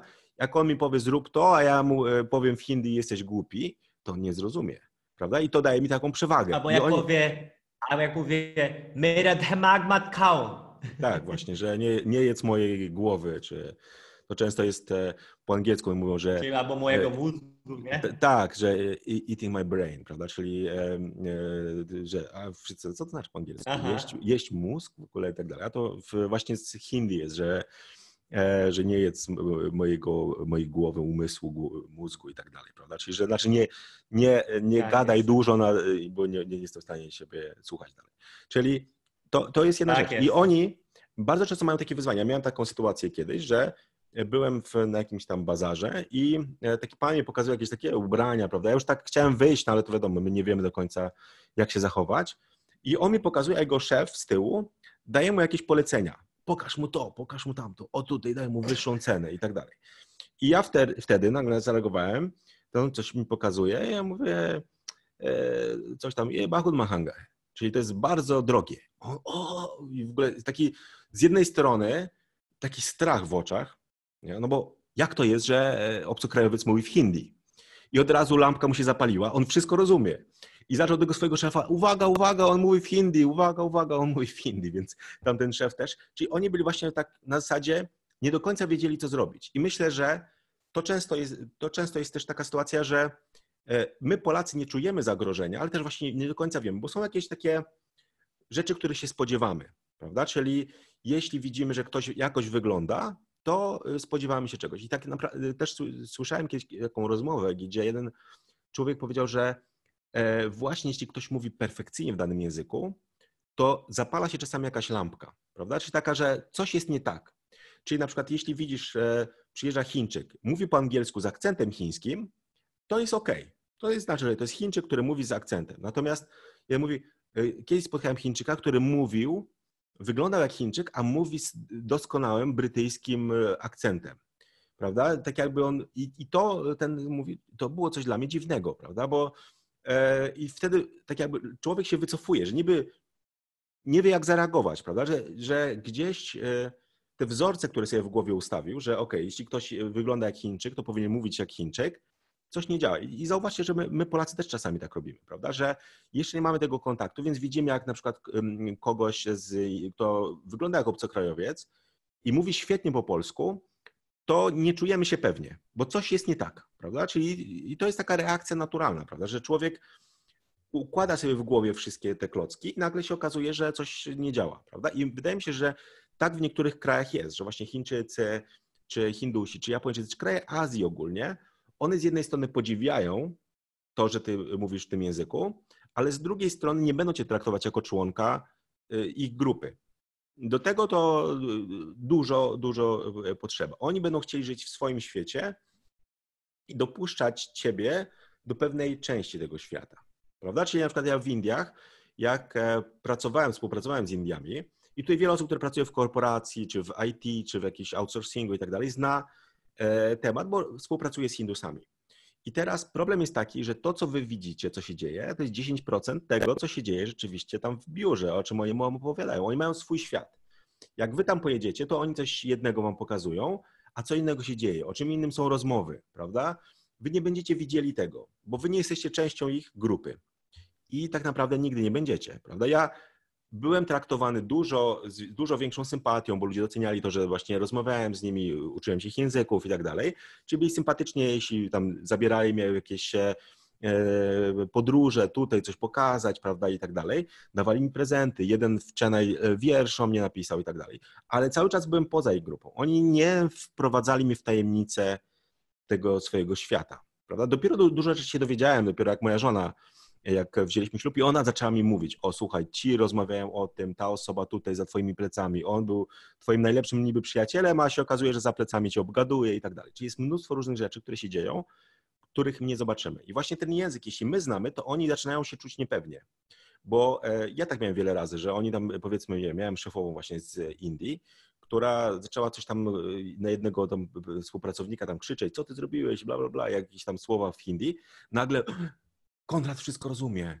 Co i tak czerwona się zrobiła i tak nie wiedziała do końca, co zrobić, prawda? Bo zakładała, że to, co ona powie, to i tak może mu dano jakiś, nie wiem, co, co mu powiedzieć i tak Konrad e, czy ktoś z innego kraju nic nie będzie wiedział, o co chodzi, prawda? A tu się okazuje, że nie zawsze, więc... E, więc to jest tak, że oni sobie układają ten świat i teraz jak ty się pojawiasz, na przykład taki Marlon i zaczyna mówić do nich e, po chińsku na przykład, czy po japońsku, to oni to doceniają ale ciężko im będzie traktować ciebie jako y, część ich świata. Prawda? Czyli oni będą bardziej traktować cię jako kogoś wyjątkowego, wspaniałego, będą cię podziwiać, ale to nie da ci, to nie jest tak, że jak Włosi czy Brazylijczycy. Włosi od razu jesteś Włochem, to chodź z nami i tak dalej, prawda? Brazylijczycy to samo. Pojedziesz do Brazylii, zaczniesz mówić, od razu e, ludzie się z tobą zaprzyjaźnią i będą cię traktować jako jednego z nich, prawda? Czasami zakładać będą, że ty wiesz coś, co jest dla nich naturalne, prawda? Natomiast w tych krajach azjatyckich jest troszeczkę, e, troszeczkę inaczej. No dlatego, dobra, mówię, że, no. dlatego mówię, że rzeczywiście będąc w kraju, to nauczysz się być bardziej wytrwały mhm. i tolerancyjny i cierpliwy, bo będziesz potrzebował cierpliwości do, do, do tych różnych sytuacji, które omówiłeś. Tak będziesz bardziej wytrwały, bo za każdym razem, jak to się powtarza, to będziesz musiał reagować tak, jak powinno być, wiesz, i cały czas musi być cierpliwy, po prostu tolerancyjny, bo nie jesteś częścią tej kultury, obojętnie czy tam jesteś 5 lat, 10 lat, czy 8, zawsze będą sytuacje, e, które e, będą, cię, będą ci e, uświadam, uświadamiać, tak, o tym, że ty nie należysz, nie należysz do tego kraju. I no i, ale będąc w tym kraju będziesz miał o każdej porze okazję rozmawiać w tym języku, jeżeli tego chcesz. Teraz chcę przejść do, powiedzmy, do rzeczy, na które musisz uważać. Mam tutaj osiem punktów e, jakby postawione w głowie. I to jest na podstawie tego, co ja zauważyłem podczas mojego pobytu w Polsce. Najpierw, jeżeli nic nie umiesz, możesz nawet nie ruszyć z miejsca. O co mi chodzi? Ja zawsze ludzie, ludziom mówię, że jeżeli chcesz wyjechać do kraju i tam mieszkać, się, się przeprowadzać po to, żeby się uczyć języka, ja myślę, to moje zdanie, moje zdanie nie jest jakby e, ostateczną prawdą, okay? może tak nie być, ale ja jestem zdania tego, że takiego zdania, że musisz znać przynajmniej podstawy, fundamenty tego języka, żebyś tam mógł, mógł się uczyć dalej. Bo jeżeli nie znasz nic, zero, tak, i tam pojedziesz, powiedzmy, że to jest język bardzo odrębny, powiedzmy jakiś język Swahili, jakiś język chiński czy tajski, tak, to możesz tam na miejscu niczego potem się nie uczyć. Nawet nie ruszyć z miejsca.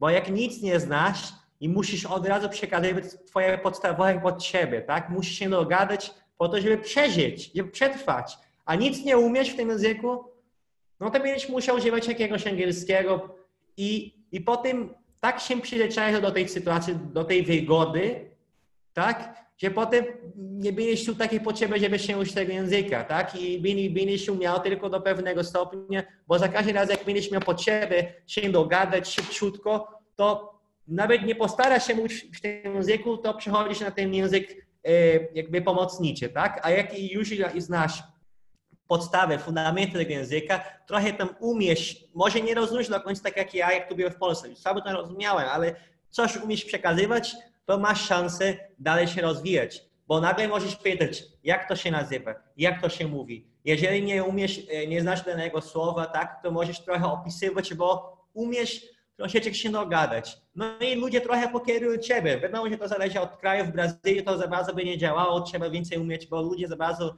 nie pokierują ciebie, bo czasami mają wrażenie, że ty lepiej umiesz portugalski niż oni, niż my.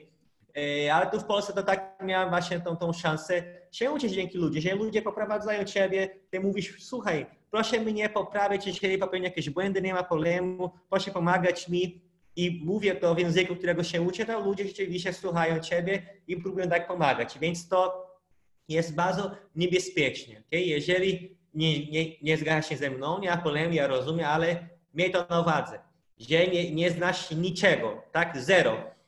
Nic, kompletnie nic w tym języku. I planujesz wyjazd po to, żeby się uczyć, jest ryzyko, że się nie nauczysz niczego, tak? Bo jakie, jakaś podstawa jest potrzebna. Żeby przynajmniej się dogadać w sklepie, jak będziesz musiał kupić coś do jedzenia, jak będziesz musiał kupić bilet, bo są kraje, gdzie po prostu ludzie e, nie znają innego języka e, oprócz swojego własnego. Okay?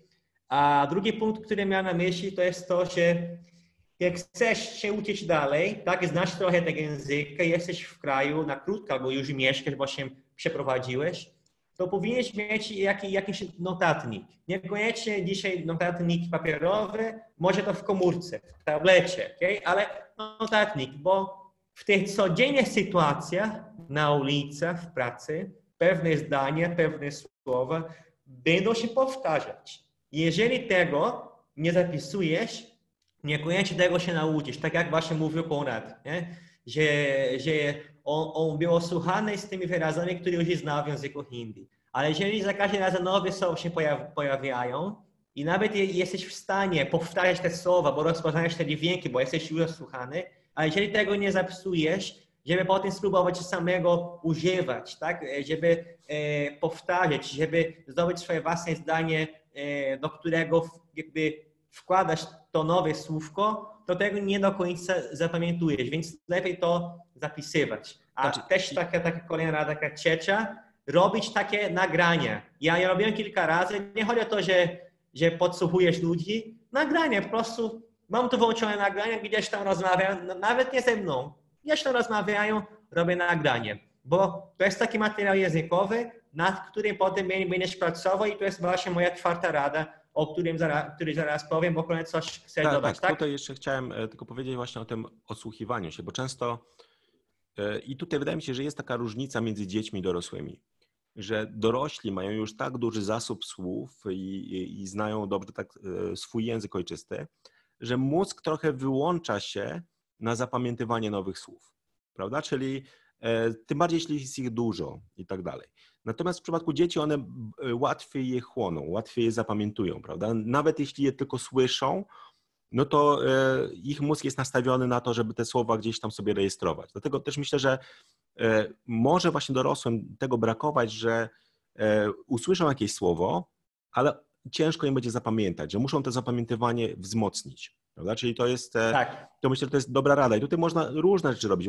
Wydaje mi się, że te dwa rozwiązania, że jedno to jest nagrywanie, które jest trudniejsze, ale zwykłe zapisywanie czegoś, prawda, żeby później móc do tego tak. wrócić, no bo niekoniecznie do jakiegoś na przykład I słowa, słuchaj, które poznaliście, wrócicie naturalnie. I wokół siebie masz masę słówek. Tutaj nie chodzi, nie chodzi mi właśnie wyjątkowo, nie mówię o zdaniach, mówię o słówkach rzeczywiście.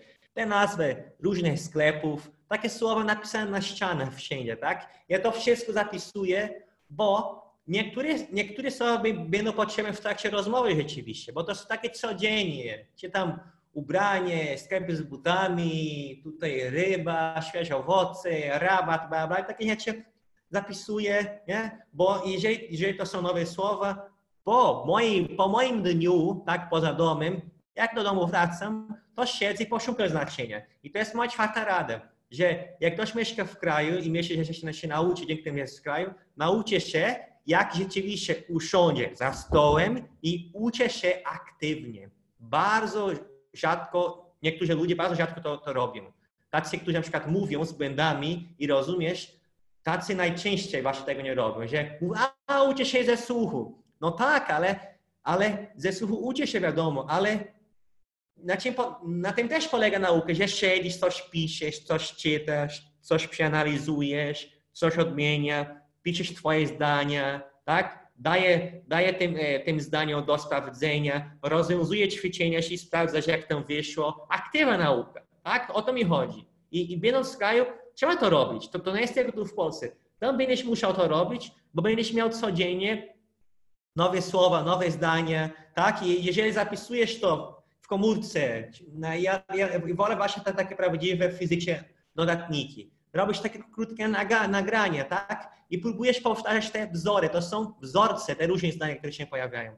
Ja nawet kilka razy robiłem to, e, że wziąłem ulotki i te bolotki są darmowe, nie musisz płacić, więc nie musisz wydawać kasy na podręcznik, będą sklepie. Ulotki w banku, w sklepie, gdziekolwiek były ulotki, reklamówki z napisami.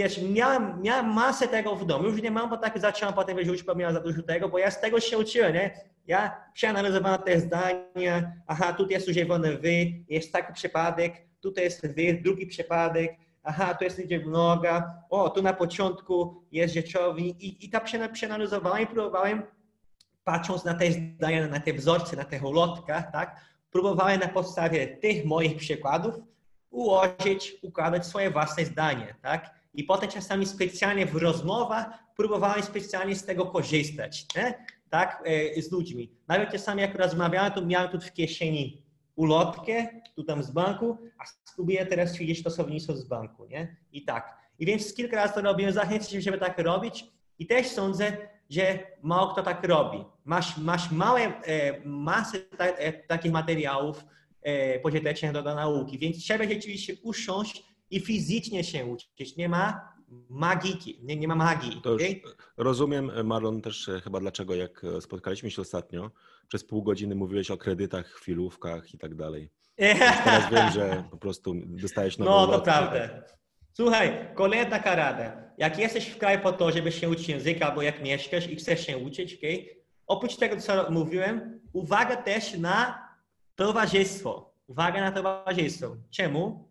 To się dzieje bardzo często wśród Was, Polaków. Ja tak mam wrażenie, może ktoś napisze w komentarzu, tak nie jest, ale poznałem sporo ludzi tu w Gliwicach, Gliwice przeważnie, którzy byli w Anglii, w Norwegii i mieszkali. Tak?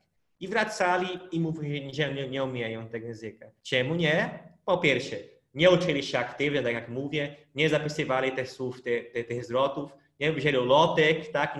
nie przyjmowali się tym słownictwem codziennie, które tam jest, i przebywali cały czas z Polakami. Mm, I właśnie to jest ten problem. Jeżeli przebywasz cały czas, tak, często w obecności swoich rodaków, podczas gdy, gdzie jest, gdy jesteś za granicą, nie będziesz używać tego języka. Nawet jeżeli się uczysz powiedzmy angielskiego i nagle jesteś otoczony Polakami, chcesz używać angielskiego, co powiedzą? Niektórzy będą mówić, słuchaj, nie wygłupiaj się, nie? chcesz się, się. I to się zdarzy nie, nie, nie tego wśród was, wśród, wśród Brazylijczyków też, no i to tak ludzie będą się czuli trochę nieswojo. Nawet niektórzy będą mówić, no nareszcie możemy z kimś pogadać w własnym języku. Nareszcie mogę się nagadać teraz, tak, bo nie będę miał przeszkód do dogadania, aby się dogadać, bo to jest mój język ojczysty, więc trzeba na to uważać. Ja mieszkam w Polsce prawie 8 lat, no 8 lat już, teraz to mówię, teraz, teraz już w ten piątek już 8 lat mam skończonych tu w Polsce. Więc bardzo rzadko tu widuję Brazylijczyków. I nawet specjalnie, ja nie szukam. Ja wiem, że w Katowice nawet jest taka wspólnota Brazylijczyków, mają grupę na Facebooku, ale nie szukam, bo w tym języku portugalskim z Brazylii mogę mówić o każdej porze z moją, z moją rodziną z nimi, ale chcę dalej swój polski polepszyć. I gdybym miał częsty kontakt e, z Brazylijczykami, to tego by nie robił. I to jest właśnie, e, w tym błąd popadają niektórzy z tych kolegów z Brazylii. Ja wiem, że w Katowicach mają kurs polskiego e, na uczelni, codziennie rano e, od poniedziałku do czwartku są te zajęcia, kilka godzin, chyba trzy albo cztery, a z tych Brazylijczyków, którzy chodzą, mniejszość rzeczywiście się uczy. Bo po tych zajęciach oni są cały czas w towarzystwie Brazylijczyków. Nie mają okazji się uczyć zwyczajów, sposób mówienia, sposób reagowania w języku polskim na różne e, rzeczy codziennie. A moja żona z kolei mieszkała przez kilka lat z Polkami już tutaj pytali, w jaki sposób niego się uczyła tego polskiego. Ona była ciągle otoczona Polkami, Polakami tam w Lublinie, tak? Cały czas, non stop, musiała mówić, musiała rozumieć, musiała nauczyć się w jaki sposób reagować po polsku na różne rzeczy codziennie. I właśnie dzięki temu się nauczyłem. I nawet dlatego lepiej mówi niż ja, takie byśmy bardziej po polsku, bo ona miała częstszy kontakt codziennie w domu, bo, bo mieszkała w mieszkaniu, tak, z Polkami, a ja nigdy nie mieszkałem, nigdy nie mieszkałem z Polakami. Nie, nie, mieszkam tu w kraju, ale w mieszkaniu, tak? Ona non-stop, cały czas, non-stop, non-stop polski, polski, polski miała kontakt z tym językiem, nie? Więc to dużo daje, więc proszę na to uważać, ok?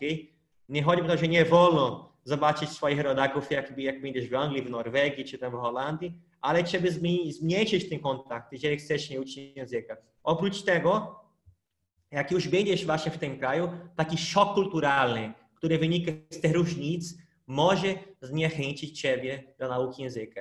I dlatego ja mówię, proszę na mnie się nie gniewać, ci, którzy słuchają i oglądają, ale myślę, że wyjazd do kraju nie jest dla wszystkich. Czemu myślę, że to nie, nie jest dla wszystkich? Niektórzy psychicznie e, się łamują bardzo szybko, nie potrafią z tym sobie poradzić, bo możesz przeżywać takiego wielkiego szoku kulturalnego, że ludzie tak inaczej się zachowują, tak, taki inny jest ten kraj. Szczególnie jeżeli pochodzisz tak jak ja z Brazylii, z pięknej słonecznej Brazylii, gdzie ludzie są wow i tak, i do Polski przelatuje. Nie chodzi mi o to, że tutaj życie jest ponure, ale jest bardzo inne. Tak? To jest jakby taki kraj, gdzie jest dużo hałasu i dużo się dzieje i nagle tu taka cisza, taki porządek. Nie? Dla was może to być też wielki szok, bo pochodzisz z takiego kraju, gdzie jest taka cisza, taki porządek, tak ludzie nie zaczepiają innych na ulicy, może mniej mówią, zamiast dzwonić nagle, wysyłają, wysyłają SMS-y, bo wszystko takie bardzo kulturalne i nagle się znajdują w Indiach, tak jak wymienił Konrad, albo w Brazylii, nie? I hałas, i każdy ciebie dotyka, i pyta o twojej rodzinie, jak się masz, i chcą pogadać. Więc dla niektórych to może być tak, taki wielki szok, że będziesz zniechęcony do nauki tego języka, tak? Bo jeżeli nie dasz rady e, z tą różnicą, że nie, nie dasz rady na tyle, że, że się nie utożsamiasz z tą społecznością, to się nie, to się nie nauczysz tego języka, tak? Bo wszystko się, się zaczyna tu, nie? Musisz mieć poprawne nastawienie, tak? Jeżeli lubisz, dajesz radę z tym żyć, to się nauczysz tego języka też, bo tego czynnika psychicznego ciebie nie e, powstrzymuje. I na nie, końcu, Malo, tutaj jeszcze... jak mieszkasz w kraju, tak, e, słucham tutaj, Tak, tutaj dodam, bo to myślę, że to jest ciekawe, że ja też często tak miałem i myślę, że dlatego też łatwiej jest e, zacząć od zdobycia podstaw języka w swoim kraju i dopiero wyjechać. Jak e, najbardziej. E, bo e, też jak się uczysz tego języka, to w pewnym sensie idealizujesz ten język, ten kraj. O, dokładnie. Wyobrażasz sobie coś, ty pewnie wyobrażałeś sobie Polaków nawet, jako, nie? tak, jako, nie wiem, jakichś fantastycznych ludzi, e, supermenów e, i tak dalej. Tak, na, i myślisz, że będziesz w tym kraju, że ten język przejdzie ci do głowy praktycznie bez wysiłku, bo ja nie, nie mówię, że tak myślicie, drodzy słuchacze i widzowie, ale zapytajcie kolegów, znajomych. Niektórzy jak twierdzą, musisz mieć w kraju, żeby się uczyć języka, mają na myśli to, że nie musisz się starać, że nie musisz się tak, męczyć. Natomiast... A jednak to nie jest tak. To chyba, chyba musisz podwójnie się męczyć, żeby się nauczyć. Tak, natomiast ja mówię, że wysiłek to jest jedna rzecz, a druga rzecz to jest twoje wyobrażenie o kraju, hmm. o ludziach, o języku. Często mamy tak, że na przykład ludzie mówią, o, chcę się zacząć nauczyć francuskiego, bo to jest taki piękny język. To powiem ci, że jak pojedziesz do Francji, będziesz mieszkać, to po kilku miesiącach ten język będziesz traktować obojętnie. Czyli przestanie to mieć taki przestaniesz mieć taką radość ze słuchania tego języka, bo on tak. stanie się normalny, prawda? Tak, jest. Podobnie jak e, zaczniesz wyobrażać sobie Francję jako taki jakiś idealny kraj, gdy tam się przeprowadzisz, to ten kraj e, Język traci aurę. Traci, tak. traci to taką aurę czegoś, czegoś świętego, czegoś tajemniczego. Taki, takiego ma magicznego. I myślę, że ta aura takiej tajemniczości czy magii bardzo pomaga w motywowaniu się do uczenia języka. Prawda? Ja tak miałem praktycznie z każdym językiem, który poznawałem, czy to francuski, portugalski, czy inne kolejne, czyli gdy go poznawałem, miałem właśnie, e, była taka aura magii, prawda, że mi strasznie mi to przyjemność sprawiało. Nawet samo słuchanie, potrafiłem słuchać e, tego samego nagrania po 100 razy i e, to było coś ciekawego. Natomiast w momencie, kiedy zacząłem już podróżować, spędzać więcej czasu z ludźmi z tego kraju i tak dalej, to zaczęło się to, ten język zaczął brzmieć normalnie, a ci ludzie stracili taką aurę właśnie magiczności, tajemniczości, bo zacząłem dostrzegać i plusy, i minusy, prawda? Tak jak wszędzie, no w każdym kraju tak. znajdziecie rzeczy pozytywne, negatywne i e, dopóki tam nie pojedziecie, to może być tak, że będziecie tylko te pozytywne widzieć, prawda? A to, że widzicie pozytywne, to was motywuje bardzo do, do, do tego, żeby ten język poznawać. I myślę, że ja też z tych czasów dinozaurów się wywożę, więc wywodzę, więc e, pamiętam ten czas, kiedy nie można było podróżować, kiedy na przykład nauka języka właśnie czy francuskiego, czy angielskiego nawet, to było jak, nie wiem, dotknięcie jakiegoś innego świata, prawda? I to fascynowało ludzi. Gdy czytacie sobie na przykład historię E, osób, które żyły czy przed wojną, czy zaraz po wojnie i uczyły się tam wtedy języków, no to było niesamowite, prawda? Dzisiaj tak. angielski otacza nas wszędzie, prawda? Ja natomiast e, czytałem e, u, chyba w książce Zygmunta Broniarka, prawda, który opowiadał w książce, jak nauczyłem się sześciu, tam ośmiu języków, już nigdy nie pamiętam, ilu on się tam nauczył, ale on opowiadał właśnie, że poszedł do szkoły średniej, gdzie był język angielski, to był wyjątkowy, bo wtedy język angielski nie był jeszcze popularny i gdzieś właśnie zdobywali jakieś e, nagrania właśnie brytyjskie i to było jakieś niesamowite. Ja też pamiętam, jak uczę się portugalskiego, kiedy jeździłem na ambasady Brazylii po to, żeby gazety dostać, prawda? No bo nie było internet, no to był w powijakach tak naprawdę i o, że dostanę gazety. Ja pamiętam, że mój kolega pojechał tam, dostał gazetę, a ja dostałem czasopisma kolorowe, więc w ogóle byłem, że super, trafiło mi się mm. jak na loterii wygrałem. No dzisiaj to nie do pomyślenia, prawda? A to było tak, że właśnie ambasada zamawiała prenumeratę, dostawali te i później wyrzucali, prawda? Albo odkładali i ci, którzy się uczyli języków nagle pojawiali się i te gazety przejmowali. Więc ja pamiętam, no to było dla mnie zupełnie inne, prawda? I, ale to sprawiało, że to było motywujące. Jak znalazłem jakąś książkę w ogóle po portugalsku w Polsce, no to było niesamowite. Dzisiaj tych książek mam mnóstwo i większości nie przeczytałem, prawda? To jest tak, że jak mamy czegoś za dużo, to przestajemy to doceniać i przestaje nas to motywować. Myślę, że na to warto zwracać tak, uwagę. Dlatego, dlatego jak będziesz w kraju po to, żeby się uczyć, musisz na to uważać, żebyś umiał już trochę, bo, będzie, bo możesz się czuć przetłoczony.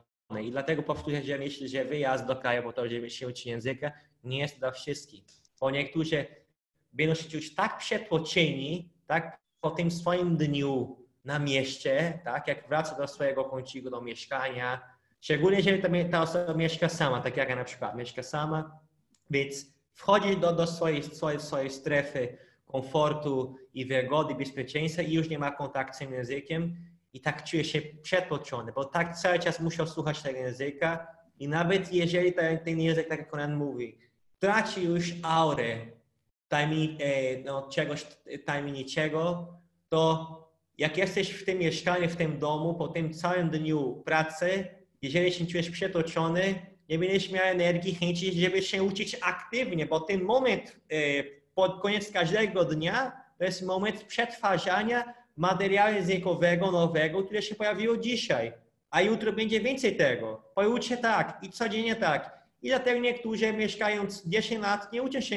języka w kraju, bo tak nie, nie są skłonni albo nie mają chęci, energii, żeby to robić. Nie? I tym bardziej, jak mieszkasz w kraju, u siebie czy za granicą, pracujesz, tak? Bo myślę, że nawet gdybyś miał zebrane pieniądze, to chyba nikt nie miałby na 2-3 lata, więc nawet możesz być, tak jak niektórzy podróżują po świecie, po świecie kilka lat tam poza krajem i robisz różnie tam fucha, ale jeżeli mieszkasz normalnie, tak jak tu mieszkam, masz stałą pracę, to będziesz zajęty tą pracą. I czasami jesteś tak zajęty tą pracą, że nawet nie masz czasu się uczyć te, e, e, tego języka po tej pracy, bo zmęczony jesteś, więc trzeba na to uważać. Rzeczywiście myśleć konkretnie i zarezerwować ten czas, żeby się uczyć aktywnie tego języka. Oprócz tego, jak wracasz, jesteś zmęczony, czujesz się przetoczony, chcesz trochę odpoczywać i włączysz sobie jakiś filmik, nagrania na YouTubie, radio w twoim języku ojczystym, bo niektórzy tak mają, ja tak nie miałem, niektórzy tak mają, że chcą się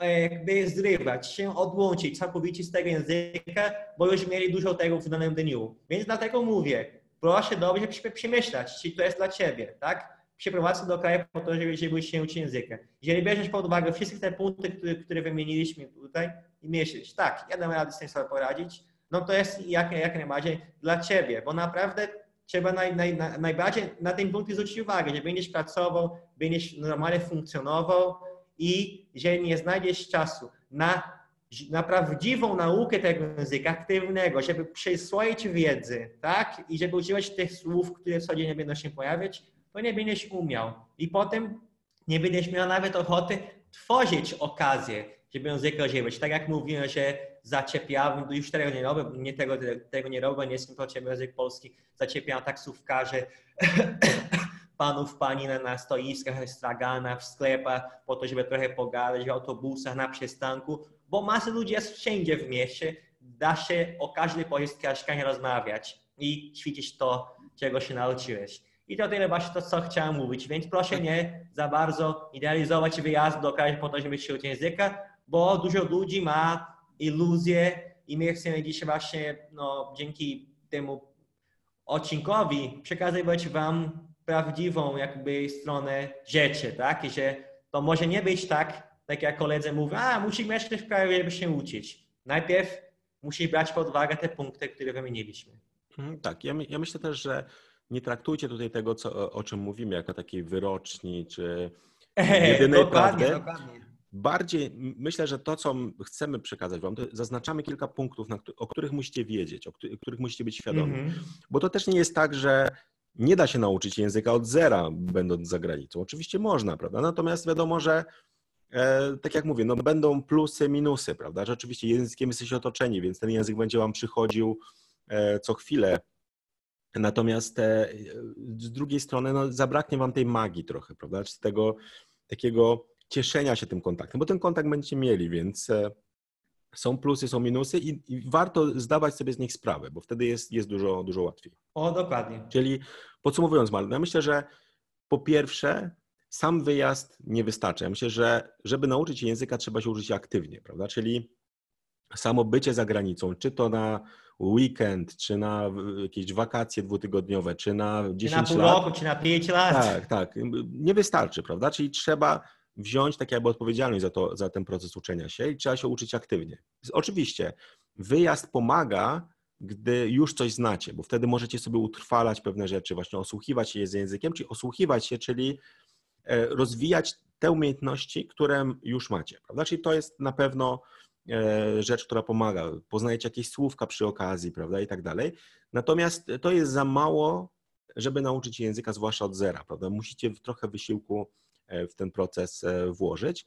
I tutaj myślę, że jeśli będzie Wam brakowało pomysłów, to zawsze wracajcie, bo tutaj Marlon tutaj kilka takich e, ciekawych właśnie pomysłów, jak tego języka aktywnie używać, prawda, czyli jak wykorzystywać te okazje, które się nadarzają do tego, żeby się uczyć, prawda. I na koniec jeszcze ja przypominam to, o czym ja mówiłem, żeby też nie stresować się tym, prawda, czyli jeśli wyjeżdżacie tylko na wakacje, to pamiętacie, jaki jest główny cel waszego wyjazdu, to żeby odpocząć, prawda? Więc jak pojedziecie, tam będziecie siedzieć w hotelu, nie wyjdziecie, prawda, nie wiem, gdzieś e, na miasto czy na plażę i tak dalej, bo będziecie się stresować, że ktoś was zaczepi, będzie mówił w innym języku, to tym się nie przejmujcie. Zawsze pamiętacie, jaki jest wasz cel.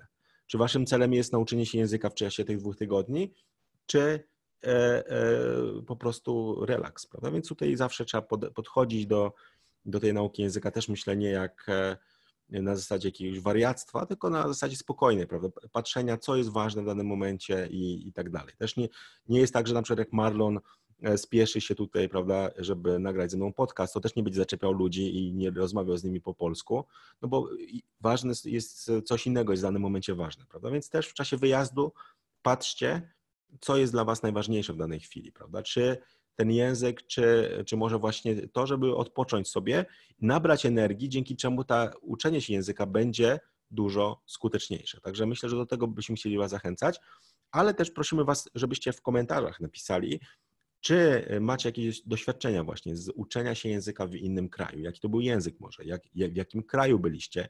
Może mieszkacie za granicą i chcielibyście coś dodać do tego, co Marlon powiedział, też żeby przekazać innym e, swoje doświadczenia. Myślę, że zawsze Wasze komentarze są bardzo, e, bardzo ciekawe i z przyjemnością je, je czytamy, a także do nich wracamy często w to, co widzicie już w kolejnych odcinkach. Jeśli macie też jakieś pomysły na to, o czym moglibyśmy opowiedzieć, to też oczywiście Was do tego serdecznie zapraszamy. Piszcie w komentarzach, jakie są Wasze największe problemy, z czym macie trudności, a my spróbujemy odnieść się do tego w kolejnych e, odcinkach. Ty, Marlon, coś I... chyba jeszcze chcesz dodać tak jest. ważnego. Tak do serca te, te Wasze przesłowy. Popatrzmy, posłuchajmy. Bez pracy żyją tylko ptacy. Chęci robota nie znają musu. Chleba dorabiać trzeba. Cierpliwością i pracą ludzie się bogacą. Dziękujemy Ci, Marlon. Dziękujemy Wam oczywiście wszystkim za, e, za cierpliwość i słuchanie. Jeśli dotarliście do tego momentu, to znaczy, że uwielbiamy Was bardziej niż myślicie, bo wysłuchaliście cały odcinek tego podcastu. Także jeśli dotrwaliście tutaj, to dajcie tutaj tą łapkę w górę też, żebyśmy wiedzieli, że odcinek Wam się podobał. Także pozdrawiamy Was serdecznie, życzymy Wam sukcesów językowych i do zobaczenia już w następny piątek o 17 w kolejnym odcinku naszego podcastu.